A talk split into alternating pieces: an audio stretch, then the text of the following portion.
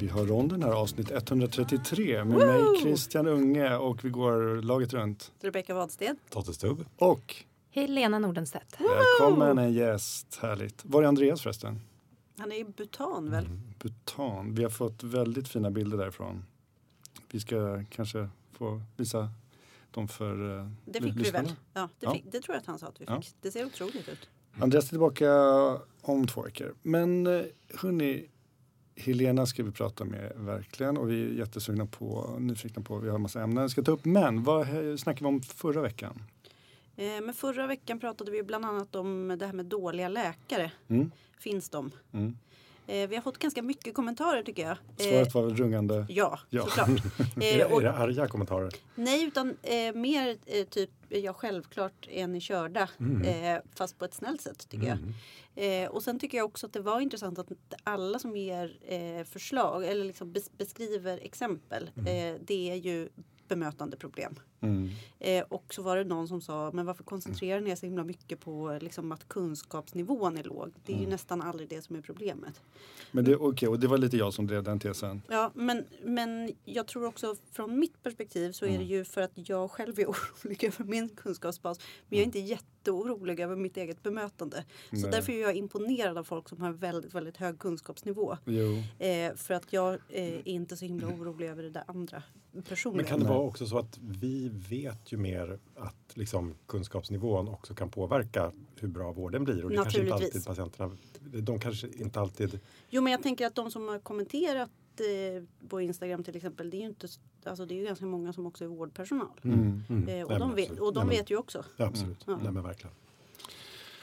Ja, Och sen eh, sa ju du lite liksom off air Totte så pratade du om att ja men hallå det är klart att underläkare som vi pratade om ganska mycket förra gången att det är klart att de är dåliga för är det, man är ju Mm. Det är man per definition Mm. dålig. Eh, Det som är kanske mer intressant det är ju att man fortsätter vara dålig när man eh, liksom får mer erfarenhet och blir liksom specialist. Ja, men precis. Att det blir, ja just det. Jag tyckte väl kanske att det blev för mycket fokus just på liksom kanske underläkare Mm. och så för de, jag menar, då är man ju, då ska man vara lite dålig. Mm. liksom. Men de som vill höra det avsnitt, eller den diskussionen, Mm. så hänvisar vi till avsnitt Mm. 132. Exakt. Helena, Ja. du och jag är ju kollegor. ja, vi är ju det på Danderyds sjukhus. Ja. Jag tänkte på förra veckan, då skickade jag en skärmdump eller lite information till eh, gänget i, i eh, ronden att jag hade 230, det var det inte jag hade, det var 231 patienter på Danderydsakuten klockan halv fem i fredags. Och då, då fick jag från Totte en ganska lugn bild från psykiatrimottagningen. Jag satt med fötterna uppe och drack kaffe. eh, men Helena, för du är internmedicinare Mm. och det är så vi känner varandra från Danderyd. Ja. Och ibland så möts våra vägar, korsas våra vägar där på akuten. Jag menar, det är inte så att ju fler kockar desto bättre. Det måste du ändå hålla med om. Det stämmer verkligen. Om man bara tänker Danderydsakuten på Ja. dagen, Danderydsakuten på natten. Ja. Ja, du Och- jobbar ganska mycket natt, eller? Ja, jag jobbar mycket natt. För det gör inte jag. Hur är det då? Då är det färre kockar. Det är enormt många färre kockar. Ja. Och då funkar det bättre. Och man vet vad de andra gör. Och man vet vad folk heter. Ja. Det är fantastiskt. Och kockar då, v- vad, Läkare berätta lite. Precis. och sjuksköterskor. Men, men jag menar, okej, det är färre patienter också på natten. Det, det, visst. Men, men jag menar, man, som läkare tar man ju fler patienter på natten, eller hur? Än på Ja. dagen.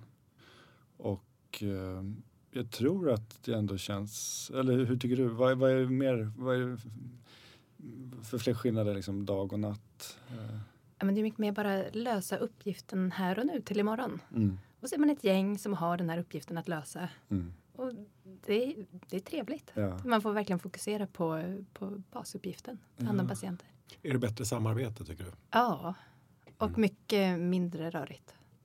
Men just det du sa att man, man vet faktiskt vad alla heter. Ja. Bara en sån sak. Det går inte på dagtid. Det är för många. Det är för många. Och det är så stor också patientomsättning och alla har olika scheman. Sådär. Ja. Men, men är det nu 235 pers som är där, då måste det ju vara ett gäng kockar också. Jo, men eh, ja. Och sen kan vi också säga att alla de där patienterna behöver inte vara där.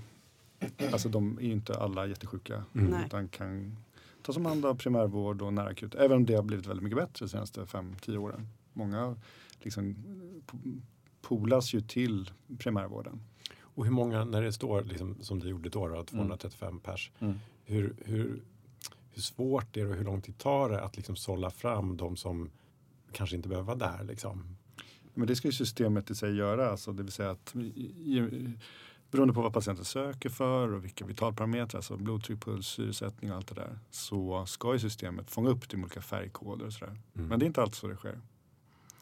Man kan ju vara väldigt gammal och till exempel ha en blodförgiftning och kanske ha inte feber då utan man har låg temperatur istället.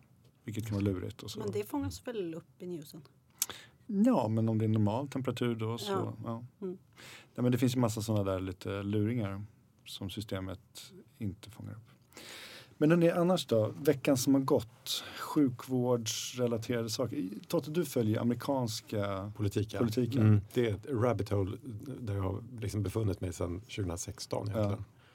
Jag konsumerar otroliga mängder eh, amerikanska nyheter. Ja. Varje dag, några timmar. För jag tror, så här, jag tror vi pratade lite innan nu om det att vi alla känner oss så tyngda när vi gick hit för att det har varit massa skjutningar, flera Mm, skjutningar verkligen. och explosion i Uppsala och fyra har dött senast, Mm. bara senaste dygnet. Det känns så mörkt, det är så tungt allting. Och eh, då såg jag, det var väl eh, Kristersson som var i USA för två veckor sedan och hälsade på i New York, eh, borgmästaren där. Och de visade på ja, men, deras liksom, brottsstatistik, eh, skjutningar hade gått ner väldigt mycket. Men samtidigt var det ändå så att de hade hundra gånger fler eller någonting Ja, skjutningar okej. per capita Mm. jämfört med Sverige. Så att allt är relativt. Just det.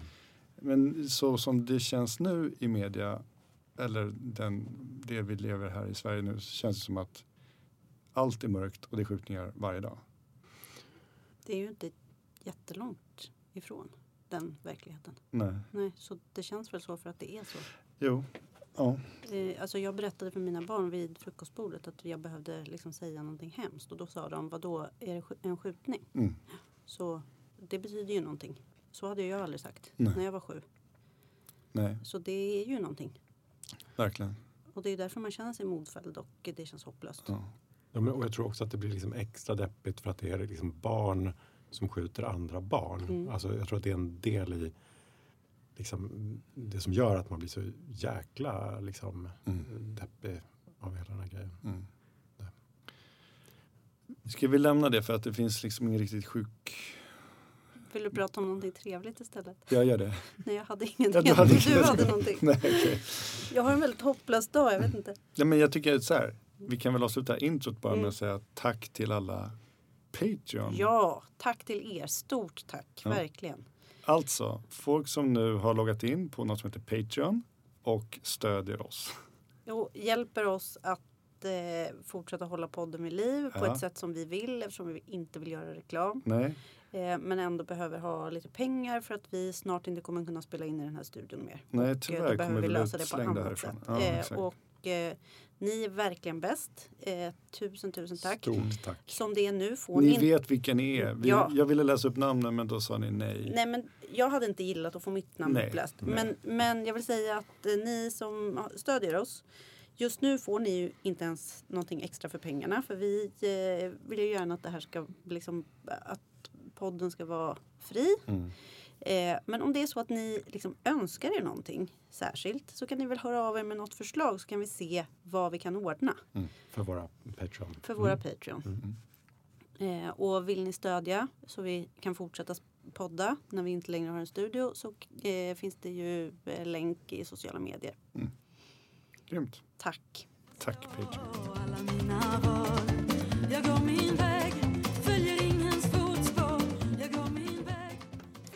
Helena, Ja. du har ju många strängar på din lyra.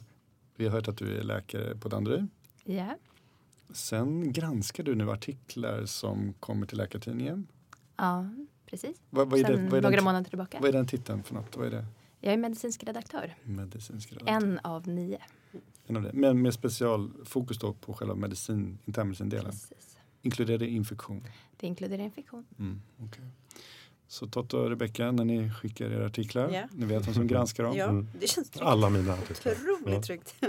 Men jag granskar ju inte bara utan jag skickar ut till folk som kan det bättre. För jag kan ju inte hålla koll på allt som sker inom internmedicin och infektion.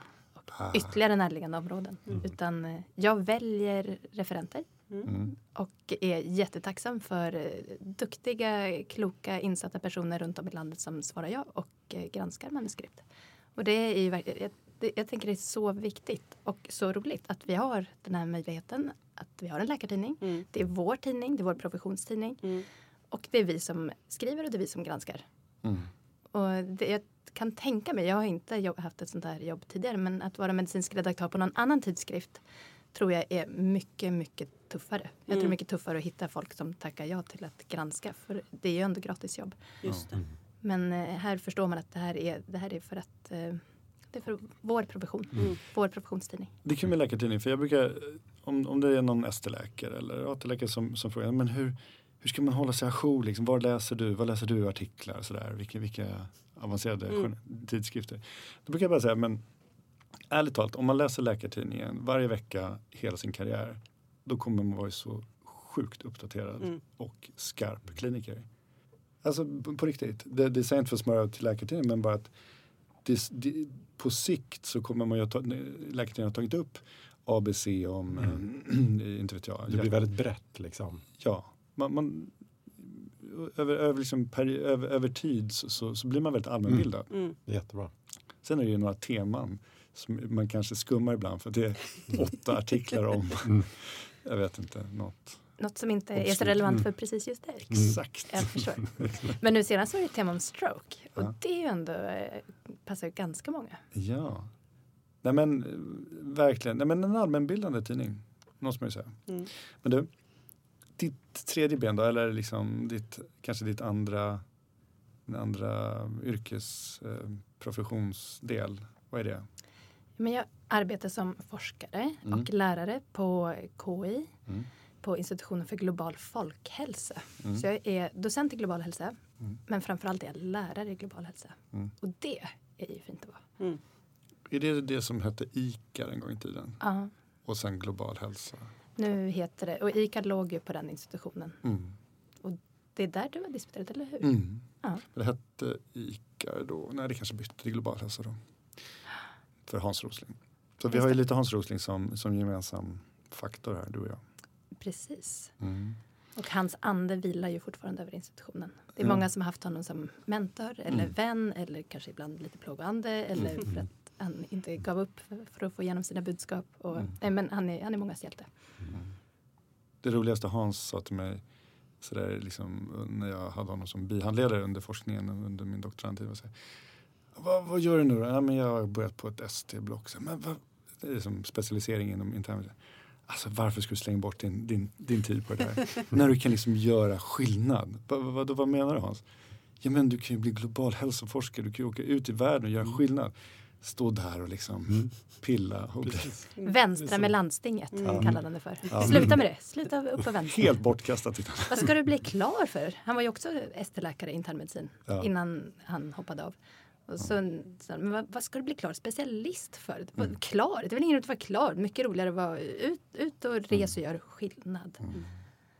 Vänstra med landsting. Ja. Jag gillar det. Det är otroligt. Är det så du ser också det, pappa? Men du, för att vara konkret lite Hilda, vad, vad gör en docent i eh, global hälsa och forskning? Vad, hur ser din tillvaro ut? Vad, vad har du för studier igång? Eh, ska vi ta konkret ett land där du forskar? Det kan vi göra. Ja, vilket tar vi? Då tycker jag vi tar Uganda. För det är ändå där som, som jag började när jag började som global hälsoforskare. Okej, Jag har nämligen en bakgrund som ett helt annat. vadå? Jag, är, jag har disputerat på halsbränna. Okej. På svenska register. Det Och är- sen tänkte jag, vad ligger längst bort ifrån att vara disputerad på svenska register på halsbränna? Mm. Att bli global hälsoforskare. Absolut. Så tänkte jag inte. Men det har blivit så. Mm, mm. Det är otrolig information. Visst det här. är ja, det. Visst är det. Verkligen. Jag fick till och med på radio en gång Ja. som halsbränneexpert Ja. efter jag var nydisputerad. Det kittlar fantasin lite grann tycker jag. Ja, det Ja. var där någonstans jag bestämde mig för att det vill jag inte vara resten av livet. Det räcker det. Och, och vad gjorde du då? Vad, vilka steg tog du från att komma ifrån? Ja, men det var ganska Ja. svårt. Mm. Jag fick höra, det- bara disputera, då har du körkortet Mm. i forskning och sen kan du välja vad du vill ägna resten av din Ja. forskningsliv åt. Ja, för det är det alla säger. Mm. Det sa alla. Mm. Och det var jättesvårt. Mm. För jag skickade mitt CV till eh, HIV-forskare runt om i världen och sa hej jag vill komma och göra en postdoc hos dig Mm. för jag kommer att forska. Mm. Och då sa de men du kan ju Du är ju halsbränna. Vad vill du till oss att göra? Mm. Men eh, till slut så insåg jag att det, jag får ta saken i egna händer på ett annat sätt och eh, tog tjänstledigt från min ST i gastro på KS och åkte iväg till Kongo ett år med Läkare utan gränser. Vilket Kongo? Till stora Kongo, Mm. Belgiska. belgiska Kongo. Zaire, även kallat en gång i tiden. Vad, vad gjorde du då för projekt? Då arbetade jag kliniskt på ett Mm. litet sjukhus, 200 sängar. Och som det är i den delen av världen så är det mest barn. Och det är barn som mest har malaria, lunginflammation och diarré. Och det är de tre sakerna man ser 90 procent av tiden. Var det östra Kongo? Precis. Mm. Ganska nära Burundi. Tanganyikasjön. Mm. Ehm, men du, om vi tar Uganda då. När, sen, sen höll, när började du med forskning i Uganda? Ja, eller första gången jag var i Uganda var för tio år sedan och då var jag där med globalhälsakursen som Mm. medföljande lärare. Mm. Och eh, för det första bara att få ha sett Uganda och se den skillnad som har skett på tio år Mm. är rätt häftigt. Mm. För det, det, det utvecklas framför ögonen på en. Åtminstone när man är i huvudstaden i Kampala. Mm. Så, Själva samhället liksom. Ja, själva Mm. samhället. Det växer upp nya hus och det kommer Kentucky Fried Chicken. Det kan man ju fråga sig om det är bra. Men nya snabbmatsrestauranger och Mm. nya gallerior och det blir mycket mer trafik så att man kommer inte fram någonstans. Men det händer verkligen. Det sprakar när man är där. Mm. Och så förstås att det är så mycket människor. Att det, så det, det är jättehäftigt att Mm. se. Så um, Hans Rosling var ju noggrann med att tala om de här olika sorternas länder vi har när man delar in efter inkomstnivå. Vi har- Vi har låginkomstländer och så har vi medelinkomstländer och så har vi höginkomstländer. Och Uganda är ett låginkomstland bland de fattigaste i världen. Men det håller på att snart bli ett medelinkomstland. Det är otroligt. Och det är jättehäftigt. Ja. Tanzania är redan där. Mm. Mm. Så det, det händer saker. Kampala är så häftigt. Det är så lummigt. Ja, lummigt och kulligt. Kulligt och lummigt. Eh, men jag, jag bara mellanlandade några gånger eh, just för jag också jobbade för gränser i Kongo. Och då ja, så bodde man några dagar i Kampala på väg dit och hem. Jag, jag bara minnesbilder av att det var så grönt överallt. Ja. Fantastiskt. Grönt Eh, och rött, för jorden är ju lite röd. Jorden är exakt. Vad ska Det- säga. Vackert. Och så den där fantastiska blå himlen Mm. som är så långt upp jämfört med himlen här hemma. Hur mycket längre upp till himlen när man är i Uganda? Mm. Men du, om vi ska ta lite då, alltså, eh, vad, vad, berätta om någon studie som du kanske bedriver i Uganda. Vad, Ja, ja men någonting som verkligen intresserar mig både som lärare och forskare eller som människa. Det är befolkning och befolkningsutveckling. För det är, på något sätt kommer vi alltid tillbaka till hur många är vi, hur många är vi, är vi som behöver olika saker och vilken ålder är det på oss. Så vanliga hedliga befolkningspyramider och eh, prognoser hur det kommer se ut framöver. Det tycker jag är jättespännande. Mm. Är det inte? Det, för det är så mycket i det. Det är så mycket sociologi och förstå varför är det så här och vad är det som gör att vi lever längre på vissa ställen än på andra ställen och vad är det som gör att folk väljer att ha ett visst antal barn på vissa ställen och färre på andra. Så att i den här befolkningspyramiderna så finns det så mycket inbakat. Mm. Inte bara statistik och siffror, det är ju roligt, Mm. men också eh, människors val Mm. och hur människor och liksom, har det. ja. Mm. Mm. Så att d- där har jag följt Uganda en del och eh, Uganda har en helt galen demografisk utveckling. På 60-talet så hade man lika många i eh, befolkningen som i Sverige, någonstans 6-7 miljoner. Idag när vi i Sverige har drygt 10 Mm. så i Uganda så ligger man på sådär 45. 47. Oj, Mm. 47. jäklar. Det, det ändras från varje gång jag kollar Mm. upp det. Mm. 47 miljoner. Och enligt FNs senaste befolkningsprognoser så kommer man ligga på 140 i slutet av århundradet. Det är helt galet. Ja. Och. Sverige Mm. som kommer vara av de tre länder som ökar mest i Europa Ja. det här århundradet. Mm. Miljonmässigt, inte procentmässigt, Nej. miljonmässigt. Vi kommer att vara på 14 miljoner. Exakt 14 miljoner. Ja. Exakt. Så vi, de gick från 6 och ska gå till 140 och vi går från 6 till 14. Otroligt. Men du, ehm, ja, men, alltså, vad, vad, vad får det för implikationer för ett Ja, land? Det är ja, det men som är så precis. intressant. Det är ju det som är så spännande. Ja. Mm. Så idag, av de där 47 miljonerna, Mm. så är en miljon över 65. Och i slutet av århundradet kommer de vara 23 miljoner över 65 Mm. enligt prognoserna. Och vi talar om att Sverige, och vi kommer att dubbla Mm. antalet äldre och hur ska vi klara av det, ska vi mäkta med? Mm. Vi pratar om en dubbling, Mm. visserligen på ett kortare tidsspann om man ska vara helt sanningsenlig. Mm. Men hur gör man för att utöka sjukvården 23 gånger Mm. för den äldre delen av befolkningen? Jag, Mm. Mm. jag förstår inte det. Nej. Nej. det. Och sen, framförallt när man har en hälso och sjukvård som inte funkar från början. Nej. Och framförallt inte för den sortens sjukdomar som personer över 65 drabbas av. Just det. Och där kommer vi till varför jag har eh, forskningsprojekt i Uganda och vad vi gör. Mm. För vi tittar på det som inom global hälsa kallas för non-communicable diseases. Mm. Som är en entitet som inte är meningsfull i en svensk kontext. För det innefattar allt som inte är infektioner och barn och mödradödlighet eller skador. Men allt annat innefattas. Men framförallt då de internmedicinska sjukdomarna, Mm. Hjärt-kärlsjukdomarna, Mm. eh, med diabetes Mm. och de kroniska lungsjukdomarna. Mm. Som, och förstås cancerna, men det är ju inte mitt område. Som kommer att öka enormt. Och då finns det ju redan idag.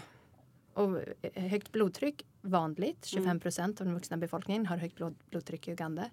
Där mer än hälften inte vet om det. Nej, precis. Så det är bara om man vill eh, ha en livsuppgift så ska man sätta igång och börja behandla diabetes eller högt blodtryck i ett land som Uganda. Men om vi bara fast, fastnar där vid lite non-communicable diseases. Alltså varför finns uttryck? För att jag menar för 10 år sedan, 15 år sedan då började jag kommer ihåg när det liksom dök upp som, som, som begrepp Mm. ens. Är det därför att eh, jag menar fram tills för 15-20 år sedan så levde människor inte så länge så att de hann få stroke, hjärtinfarkt i många länder i Afrika. Eller är det bara det att liksom, fokus har hela tiden varit på infektionssjukdomar i första hand. Och sen har man alltså, som du sa, man har inte ens, man vet inte ens om att man har högt blodtryck. Jag tror att det är en blandning av de tre. Ja. Och eh, framförallt så har ju befolkningspyramiderna varit sådana att det är inte så många i de åldrarna. Eller? Mm. Eh, och det kommer att ändras. Men sen också diagnostiken. Mm. Mm. Man har inte vetat vad folk har dött av Exakt. helt enkelt. Och man har inte riktigt brytt sig för fokus har Nej, varit på, på barn och Mm. infektioner som är, är ändå lite lägre hängande frukter att, Mm. ta hand om. Mm. Men jag undrar om det inte kan vara så, där borde nu, du kanske veta bättre Christian för det är ditt område. Mm. Att behandlingen av HIV Mm. som ju har mycket mer gemensamt med behandling av högt blodtryck och Mm. diabetes än vad det har med behandlingen av malaria som är en Mm. Att det som ändå då har nått ut på landsbygden i princip i alla länder i Afrika söder om Sahara Mm. har ändå gjort att man har lagt grunden till en struktur och till en acceptans för den här sortens behandling. Exakt. För den, det har ju inte funnits. Det fanns ju, alltså tuberkulos kom ju tidigare med DOTS och Directly Observed Therapy. Alltså man liksom ändå följde patienter under relativt lång tid. Ett halvår i alla fall. Är lång tid i det här sammanhanget. Så att jag tror tuberkulos kom väl innan där måste man säga. I, med, med någon form av långtidsbehandling. Men precis som du säger, HIV, livslång behandling. Ehm, Och av en sjukdom man inte känner sig sjuk av. Det är ju Exakt. jätteintressant. Nej, men så, som, som precis som har skapat en infrastruktur eh, till stort som då ändå kommer kunna hjälpa när man ska kunna tackla hjärt-kärlsjukdomar framöver. Hur ser det ut med HIV nu i Uganda? Prevalens 5% ungefär. Mm. Knappt. Mm. Ehm, jag såg, för jag, jag kollade lite på Gapminder. Kan inte du berätta Mm. lite om Gapminder? Åh. Det gör jag så gärna. Ja. Så Gapminder, Mm. det är en stiftelse som eh, startades av Hans Rosling och hans son Ola Rosling och hans styv, eh, styv, svärdotter Anna, eh, Rönnlund, Anna Rosling Rönnlund. Mm. Och det började med att Hans på globalhälsakursen på KI, hur många av er har gått den förresten? Någon? Ingen? Nej. Nej. Ehm, Eller någon liknande kurs? Jag, när jag gjorde en variant på den faktiskt. Ja. Mm. Mm. Ja, jag kom aldrig in på den kursen. Den var för poppis. Jag var hemma med småbarn på den kursen. Jag förstår. Ja, så, så kan det vara. I alla fall, på den kursen någon gång på slutet av 90-talet på, på KI så var Hans Rosling kursansvarig och eh, ställde frågor till studenterna om hur världen ska ut. För han uppfattade att studenterna, han tänkte bara, här är jag ju på ett, det här elituniversitetet som man kallade det, Karolinska. Och de här läkarstudenterna, våra elitstudenter, de har nog stenkoll på världen. Och så bara, fast det har de inte. Och så började han testa dem för att se hur mycket de kunde med, eh, med quizfrågor om världens utveckling. Och det tänker jag att de flesta som lyssnar, inklusive er, har sett några av de här frågorna Mm. dyka upp lite här och var. Mm. Och eh, då upptäckte Hans då att eh, studenterna ja, de klarade sig inte så bra på de här testen. De svarade till och med sämre än vad de hade gjort om de hade låtit slumpen välja. Så tänkte jag, hur kan det vara så här? Var, var kommer de här felaktiga, de, inte bara de gissar fel utan de gissar mer än slumpmässigt fel. Var kommer de här felaktiga kunskaperna ifrån? Så um, då testade han lärarna på Karolinska istället. Och de var bättre än studenterna, det var ju bra. Men de var fortfarande sämre än slumpen. Och det var ju dåligt. Och då blev han besatt av det här. Jag måste ta fram något verktyg så jag kan verkligen visa studenterna hur världen ser ut. Så han gjorde en första en prototyp till den här mjukvaran som Gapmind använder med de här flygande bubblorna. Där man visar statistik, visualiserar statistik på ett papper. Och eh, så visade den det på, på en overhead-apparat som det fanns på slutet på 90-talet innan PowerPoint. Och försökte då visa hur de här bubblorna flyttade på sig i olika länder. Och så visade han det för sin son Olle. Som sa, men pappa, det där är det ju ingen som fattar. Det, det, är, det är ingen som följer med det där. Man måste röra på sig bubblorna. Men om du, ger mig, om du kan ge mig pengar till en dator så kan jag säkert programmera det där. För Ola var i 20-årsåldern och eh, vi hade precis börjat studera nere i Lund. Eh, han fick inga pengar till en dator. det tyckte Hans var lite för mycket. Men, eh, men han lyckades ändå programmera. Och med hjälp av sin eh, sedermera fru Anna som har varit enormt viktig för att få både Ola och Hans att förstå att eh, man kan inte ha med massa detaljer. Det kan inte stå exakt precis allting på samma papper för då fattar inte folk. Folk tycker det inte är intressant. Man, man lär sig ingenting utan man måste skala av, skala av, skala av, förenkla, förenkla, förenkla. Och, eh, för då, då får ni mer människor. Mm. Så de tre tillsammans skapade den här programvaran. Och för att göra en lång historia kort så startade de en stiftelse, Gapminder, i en källare på KI. Och eh, det visade sig att KI var lite för byråkratiskt och lite för fyrkantigt för att det skulle passa för en stiftelse som hade som uppgift att, eh, att eh, to, to fight eh, devastating ignorance i världen. Eh, så man flyttade sen ut på stan. Ryktet säger också att det var för att Hans inte kunde jobba för att han bara satt och pratade med alla. Det kanske var på din tid, Christian. Jo, Alla kom bara så- förbi och bara skulle prata med dem. Och han, då kunde inte han koncentrera sig. Precis så var det. Eh, men eh, så då blev det en stiftelse som de sålde mjukvaran till Google. Och eh, pengarna använde de då till stiftelsens grundplåt. Och Gapminder fortsätter ju idag. Ja men det finns. Gapminder.com, Eh, Gapminder.org. org, förlåt. För det är en stiftelse. Mm, som finns, men jag bara lekte lite igår kväll just mm, inför att träffa dig. Det är ju väldigt, nu finns det väldigt många parametrar där att spela med. Det gör ju det. Men ehm, det är fantastiskt. Och just hans styrka Hans var ju, det fanns många styrkor men, men, men det var just att göra det visuellt. Jag menar, alla har väl sett liksom när han står ju med en hockeyklubba och någon tvättmaskin. Tvättmaskin, och, ja. ja. Mm. Jag måste bara, By- Bygga saker av äpplen och toarullar. Och, måste bara flika in en grej där. Du säger den här lilla liksom studien han gjorde då. ja. Den gjordes av en klasskamrat till mig som heter Robin Britton Long. Och eh, som något liksom projekt, jag Robin forskade för Hans. Och eh, då gjorde ju Hans en grej av att liksom, schimpanser var bättre Precis. än studenterna, det vill säga slumpen. Eh, så det, det, det drog han ju liksom till leda det här med att schimpanserna är bättre än vad ni är. Och det, han kom ju undan med det. Mm. För han gjorde det på ett sånt sätt. En del blev ändå lite förolämpade men han, Mm. han, Mm. han kom undan med det. Men om man leker med den här Gapminder så är det väldigt kul. Jag bara kommer till- tillbaka till tuberkulos. Ehm, nu vet inte jag som sagt de här siffrorna om du håller med om det. Men jag bara tänkte på om vi kopplar tillbaka till HIV och tuberkulos där. Så det är ganska spännande ändå att liksom, eh, tuberkulos är ju klart liksom mer prevalent i, i, eh, i Uganda. Men att curate, alltså eh, hur många som, som ändå eh, vad heter det, botas är i princip alltså är högre i Uganda än i Sverige. Jag vet inte riktigt vad de där siffrorna står för men Nej, det där är en sån siffra som man vill gräva lite mer Ja. i innan man tar den för sanning. Ja. Men, men jag, det jag tänker på att, att just, just tuberkulos till exempel antar jag i ett sånt land som Uganda har de ändå en bra tradition och bra behandlingseffekt. Liksom. Absolut. Ja. Tuberkulos och HIV. och, och HIV nu, ja precis. Det, eh, men när jag jobbade i Burundi för Läkare utan gränser 2002 då fanns det inte bromsmediciner. Och då fanns således inte HIV som begrepp. Man fick inte prata om det. Men alla visste, liksom, man pratade om liksom, sjukdom X. Mm. Ehm, så man, man liksom, tassade runt det och man förstod att jaha, de här människorna dog av X. Men vi kunde inte behandla det. Så då testade vi inte heller för det. Det var en ganska bisarr tid. Det har hänt mycket sedan dess. Ja men verkligen. Och nu är, kan man ju till och med höra sådana saker när man nu forskar på icke smittsamma sjukdomar, Mm. non-communicable diseases.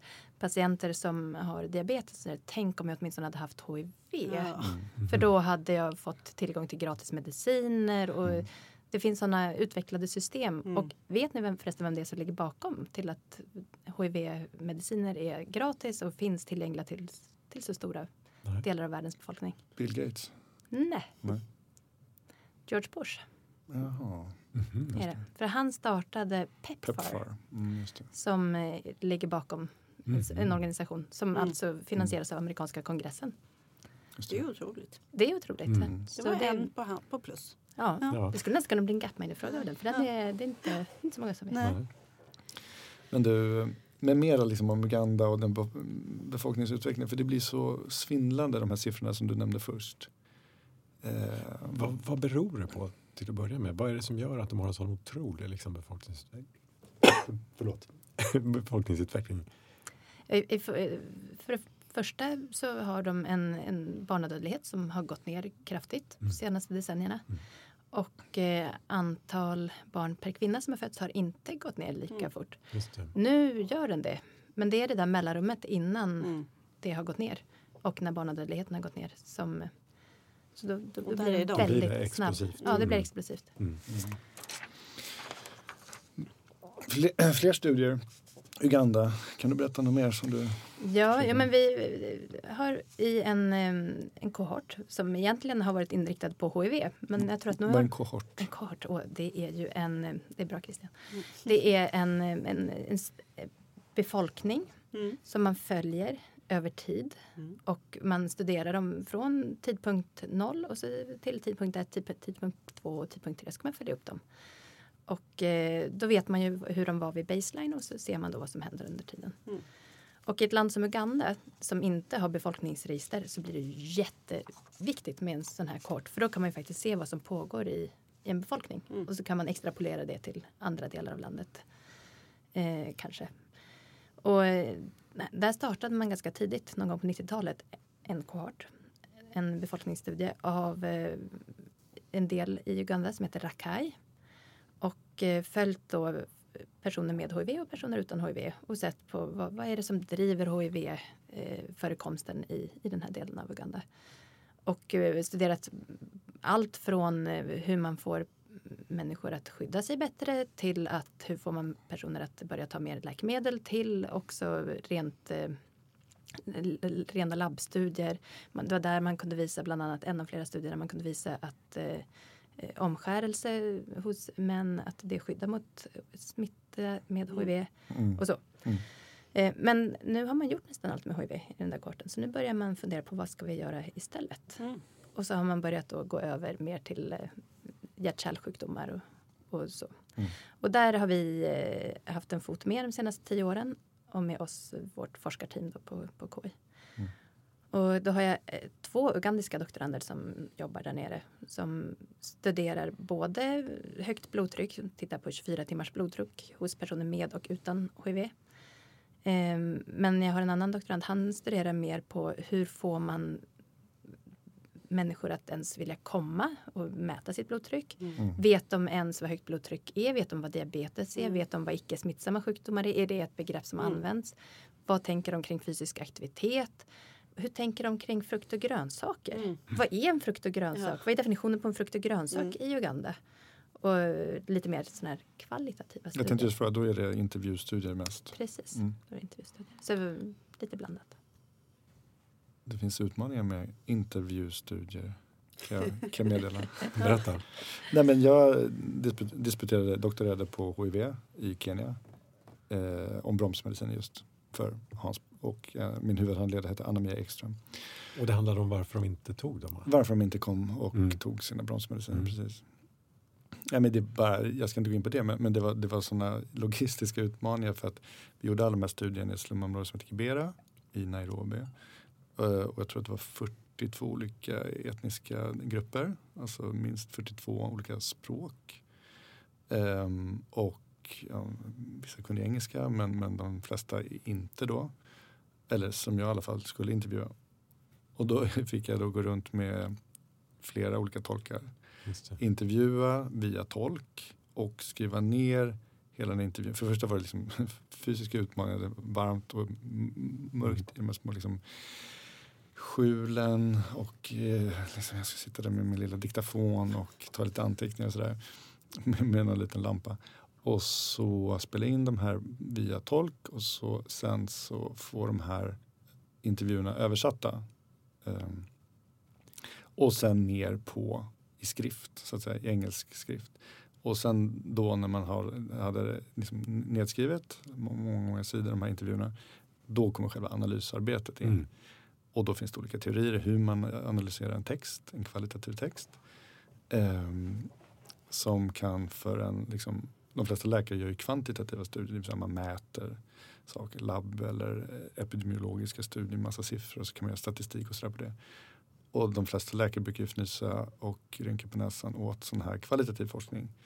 Men jag är så glad att jag gjorde den. Jag gjorde både och. Jag gjorde Mm. både kvantitativa, eh, just en kohort som jag följde och byggde upp själv. Eh, mm, men, men sen kvalitativa studier. Eh, och jag tyckte att alltså, vissa frågor kan du inte belysa med enkäter eller siffror eller, eller liksom labb, just de grejer som du nämnde där Helena. Eh, man måste prata med människor i ett vanligt samtal. Sen kan det samtalet vara mer eller mindre strukturerat. Ehm, men ehm, jättespännande forskning att, att, att eh, bedriva. Stora utmaningar som sagt. Stora utmaningar. Och när man kommer från siffervärlden och statistikvärlden och Mm. svenska register och kommer till kvalitativa studier så bara, vänta, det är 12 personer i den här studien. Mm. Vad, vad, vad förväntar Vad man ska att man ska kunna utläsa? Mm. Vad ska man någonsin kunna dra för Mm. slutsatser av det? Mm. Men jag älskar kvalitativa studier, intervjustudier. Jag tycker det är så spännande Ja, att få lära sig om hur, hur folk tänker och Mm. tycker Mm. om olika På saker. djupet liksom. Ja, men på djupet. Mm. Och det är jättespännande. Och det är svårt att förklara för någon som aldrig har gjort kvalitativa studier. För att som sagt, om man bara vill mäta och göra statistik på det så förstår jag att man kan tycka att det är konstigt eller flummigt. Eller vad det är. Men, när man väl har gjort de här intervjuerna så inser man men det sitter ju här. Det finns, jag kan extrahera och försöka se liksom, mönster Mm. utifrån de här tolv människorna. Baserat på de förutsättningar som finns för den här, de här studierna eller intervjuerna. Och ehm, eh, jag kommer ihåg en av de här artiklarna som jag publicerade i tidningen AIDS, en stor sån här tidskrift. Då hade vi skrivit en studie, den hade, var det 5000 ord? Kan det, vara, kan det stämma? 5000 ord? Ja, För en intervjustudie låter det normalt. Ja, för jag, för jag är författare, jag, när, när jag håller på med tecken i huvudet, men ord eller 15 ord. Och då så fick jag, säga, ja men du får den här accepterad om du drar ner den till 500 ord. Vi gjorde det. Mm. Då var det verkligen kill your darlings. Mm. Jag hade skrivit liksom en artikel på 5000 ord med liksom fina citat och långa liksom utläggningar om de här Mm. alla 50 intervjuerna. Nej, nej, 25 intervjuer. Och ehm, men det var Hitta- då, hitta för att få, kärnan, liksom. ja, men hitta kärnan Mm. i det där och ändå publicera. Ehm, Det krävs att Mm. man har någon lite så här humanistisk ådra i sig kanske också om man, liksom, om man är intresserad av kvalitativa studier. Liksom. Du känns ju Christian, alltså både lite som en naturvetare men du har ju också rätt mycket humanist i dig. Är det inte så? Men jag, jag, de, jag måste protestera lite mot det för att jag, jag, jag, tror poängen här är lite att vissa saker kan du inte studera med, med något annat än just intervjuare. Eh, Nej, och de kompletterar varandra. ja, Liksom. ja. Ja, men det tror jag också. Det är ett sätt att förstå siffrorna. Mm. Varför Exakt. ser det ut på det här sättet? Mm. Exakt. Jag kan tvärtom tycka liksom att siffror ofta känns väldigt yxiga och eh, ytliga. Mm. När man läser någon, någon kvantitativ studie om, eh, vet jag, högt blodtryck eller vad som helst. Att, ja, men det här, och så, så, så, och så, som kliniker så inser man så, men gud vad många felvärden det är. Ja, men de här blodtrycken de tas ju där alltid av någon precis när patienterna kommer in och då har de ju alltid högt blodtryck för det finns vita rocken effekt. Äh, inte vet jag, jag bara tog ur, Mm. ur luften. Det vill säga att liksom, ja, siffrorna går göra statistik på. Men, men, men säger de sanningen? Mm. Det, det kan man ifrågasätta Mm. många gånger. Mm. Mm. Hörrni, ska vi ta en fikapaus? Ja. Mm. Bra.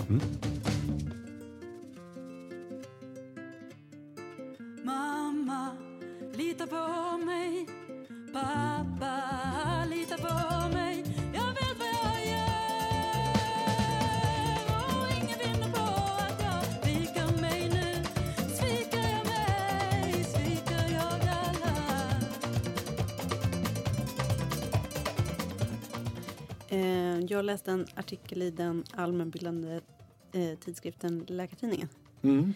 Eh, det var en väldigt eh, kort, det var mest en rubrik, men rubriken var eh, läkare Ja, det var en läkare som körde 138 kilometer i timmen och åkte fast. Såg ni det?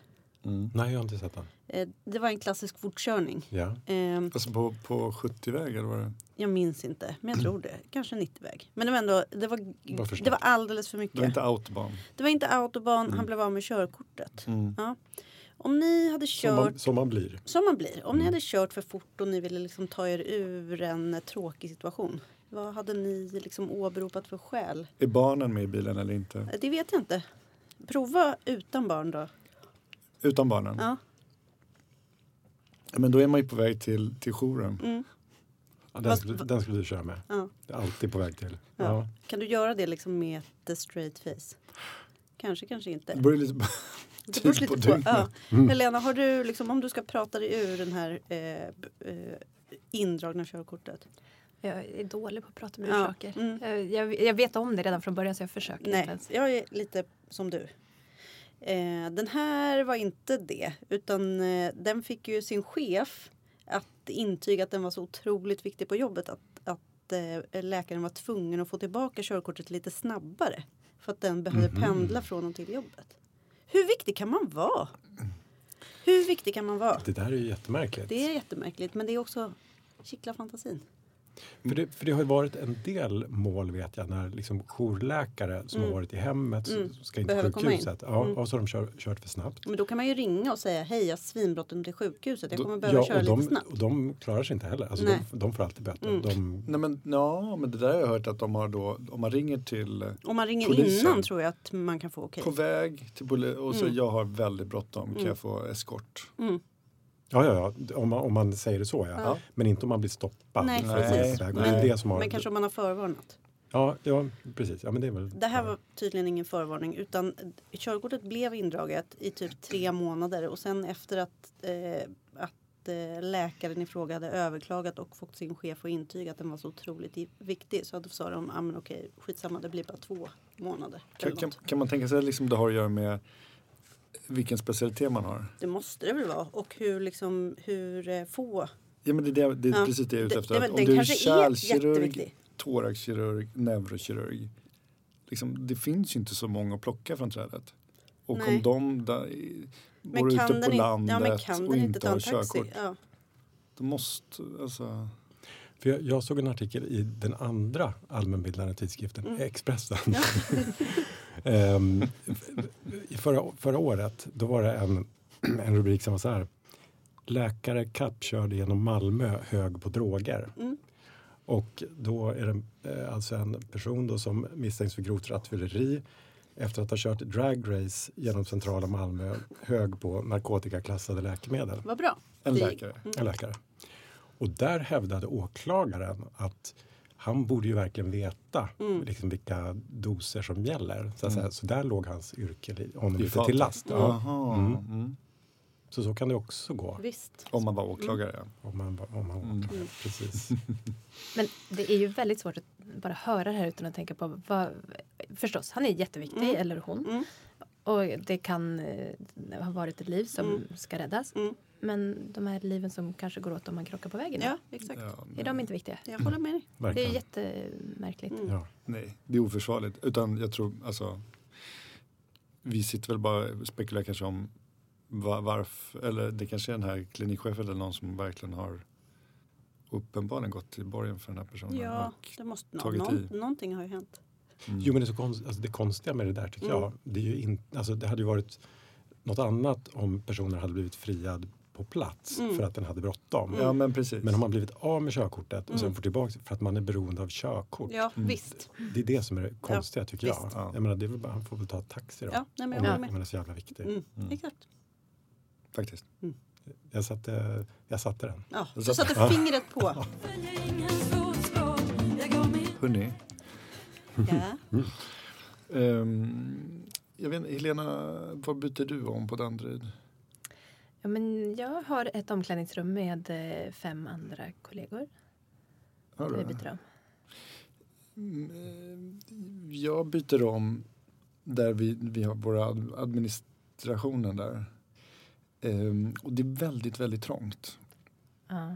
Jag Det är ett jättelitet rum. Alltså det, det, man tänker att man kommer in Mm. så är det toaletter till vänster Mm. och så direkt till höger så är det såna här höga järnskåp Mm. och där står vi på kanske om en två kvadratmeter. Mm. Hur många skåp? Kanske tio skåp, Mm. åtta, tio. Mm. Och varav en av killarna är ju väldigt muskulös. En Du. bitig man. I, inte jag då. Nej, men Helena nickar och Mm. förstår vem jag menar. och um, Persang är underbar men han är stor. och, eh, och, så, och, då, och sen så går man, och då har vi ett litet draperi som, som täcker för, där Mm. vi kan stå innanför då. Men så mellan toaletten och det här draperiet så går kvinnorna förbi Mm. och in i ett väldigt stort omklädningsrum. Spatiöst. Spatiös med liksom Kan vi säga att det är ett spa, spa bänkar och eh, fontän. det är förvisso väldigt många fler. Jag tänkte just fråga hur många det är skåp många är det där fler. inne? Det är Ja. många fler. Jag, jag, Mm. 30, Mm. Jag Det, gissar. är, jag gissar. det är tre gånger mer. då. Men det är mer än tre gånger så många kvadratmeter. Okej. Det känns snedfördelat. Mm. Men sen kommer vi till poängen här och det är att de här säckarna man ska slänga smutskläderna i Mm. varje dag, de Mm. är inne hos tjejerna. Mhm. Så då ska man liksom, vi klär om där, står trångt. Mm. Och sen ska man liksom knacka och titta ner i golvet och in och liksom kasta i de här kläderna i, Tittar du ner i golvet då? ja, Mm. Det är inte att du säger hej hej snabbt. Och, jo men jag Ja. tittar bort och ner sådär. Mm. Och jag tycker liksom det känns jobbigt varje dag. tror du att det hade varit eh, annorlunda om eh, situationen var omvänd? Ja, men det var det jag ville fråga er. Mm. Vad tror ni? Ja, det tror jag. Hade, hade det känts konstigt eller obekvämt att gå in och slänga Mm. kläderna på herrarnas? Min känsla är att det hade känts mindre konstigt och obekvämt eh, för eh, damerna att slänga eh, kläderna inne på herrarna. För men att, lite konstigt. Lite känts. konstigt men mindre konstigt i jämförelse. Jag tror att eh, eh, generellt eh, herrar är eh, mer oroliga för att gå in i eh, damernas så att säga domän. ja, Där det är olika, eh, liksom olika nakenhet som man kan förvänta sig. Som man inte riktigt vet vad som pågår där inne. olika nakenhet. Ja men är det naket på överkroppen? Ja, du menar så? Mm. Eh, sannolikheten är ju stor att ingen har naket på underkroppen Nej. Öppet. Nej. Eh, vare sig hos herr eller dam, tänker jag. Eh, om man har duschat, jag vet inte om ni har något duschrum Nej, det och folk duschar där. Nej. Men, eh, men an, det kan ju vara så att man byter någon bh eller liksom tar av sig, Mm, eh, mm, sätter på sig en annan tröja. Det kan vara bara bröst där inne om det är eh, liksom Men- damomklädningsrummet. Men bar bringa hos oss Bar- är okej? Det är ju mer socialt accepterat Jo, att se en bar herrbringa än en bar dambringa. Så det var, Så det är variationen på nakenhet som Mm, är det helt jag. avgörande där? Jag, jag skulle säga att det är en stor del. Mhm. Men också att det är mindre socialt accepterat för eh, eh, män att tränga sig på k- kvinnodomänen. Ja, det tror jag snarare jag skulle känna. Att, Ja. att det skulle kännas som att alltså, man vill liksom inte bli misstänkliggjord. Exakt. Mer så kanske. Nej. Och det är därför jag tittar ner i golvet Mm, och precis. knackar Ja, och för säger du vill visa och att liksom- du inte tränger dig på. Ja, ja, det tror ja. jag. Ja. Säger du ho-ho varje gång? Ja men jag låter det som att man ska, skrämma- Nu kommer äckel-Christian in. man, ska, man, man ska liksom skrämma bort en björn. Liksom. Vet, man, man klampar och Ja. trampar. Och sådär. Mm. Ja, mm. Eller? Jag tycker det är jobbigt. Ja, men eh, vet du vad? Jag förstår det. Eller så börjar man jobba på ställen där man inte byter om. Ja. Eh, eller, Så- eh, Välkommen! ja, Civilklädd. Mm. Ja. Eller så kommer man till teaterrummet och där är det liksom typ öppet bara. Kan man inte ha mixed? Varför är det inte liksom mixed? De bara på SÖS har de mixed. Ja, Har de det? Mm. Omklädningsrum? Mm. det går säkert jättebra. Ja, Då skulle det liksom vara lite mera... Ja, Då vet alla vad de ska förvänta sig. Mm. Här kan vem som helst kika in. Det kan vara Mm. naket Det kan på vara, ja. Mm. alla sätt. Då skyler man sig som man eh, helst önskar. Jag ska föreslå. Tusen tack Helena för att du kom och gästade ronden. Så trevligt. Ja, verkligen. Verkligen. Tänk att jag fick prata om demografi och befolkning i Uganda och någon ville lyssna. Alla vill lyssna.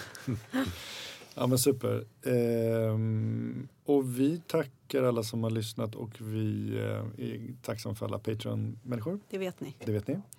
Och så kan ni följa oss på sociala medier, rondenpodcast.gmail.com eller Ja, eh, Insta och det där. ja. Och man kan mejla till Ja. rondenpodcast.gmail.com. Vi älskar mejl. Det gör vi. Det är ett lite längre format Gör hörni. Ja. Ja. det gör vi. Mm. Det kan ni tänka på om man vill skriva lite längre. Mm. Så är mejl en- ett väldigt bra format för det. Och ja, men hör av er om tips på gäster och ämnen och eh, vad som helst. Och vad ni, önsk och vad ni önskar er i Patreon-present. Så jag kan skriva en det. liten önskelista. Till julklapp. Till Man får ett julkort med någon av er kanske. Man vet inte vad de önskar sig. Om Mm. de önskar sig det, då ska jag absolut ta det i beaktande. Hörni, Mm. ha en bra dag. Tack för idag. Tack, tack. Tack.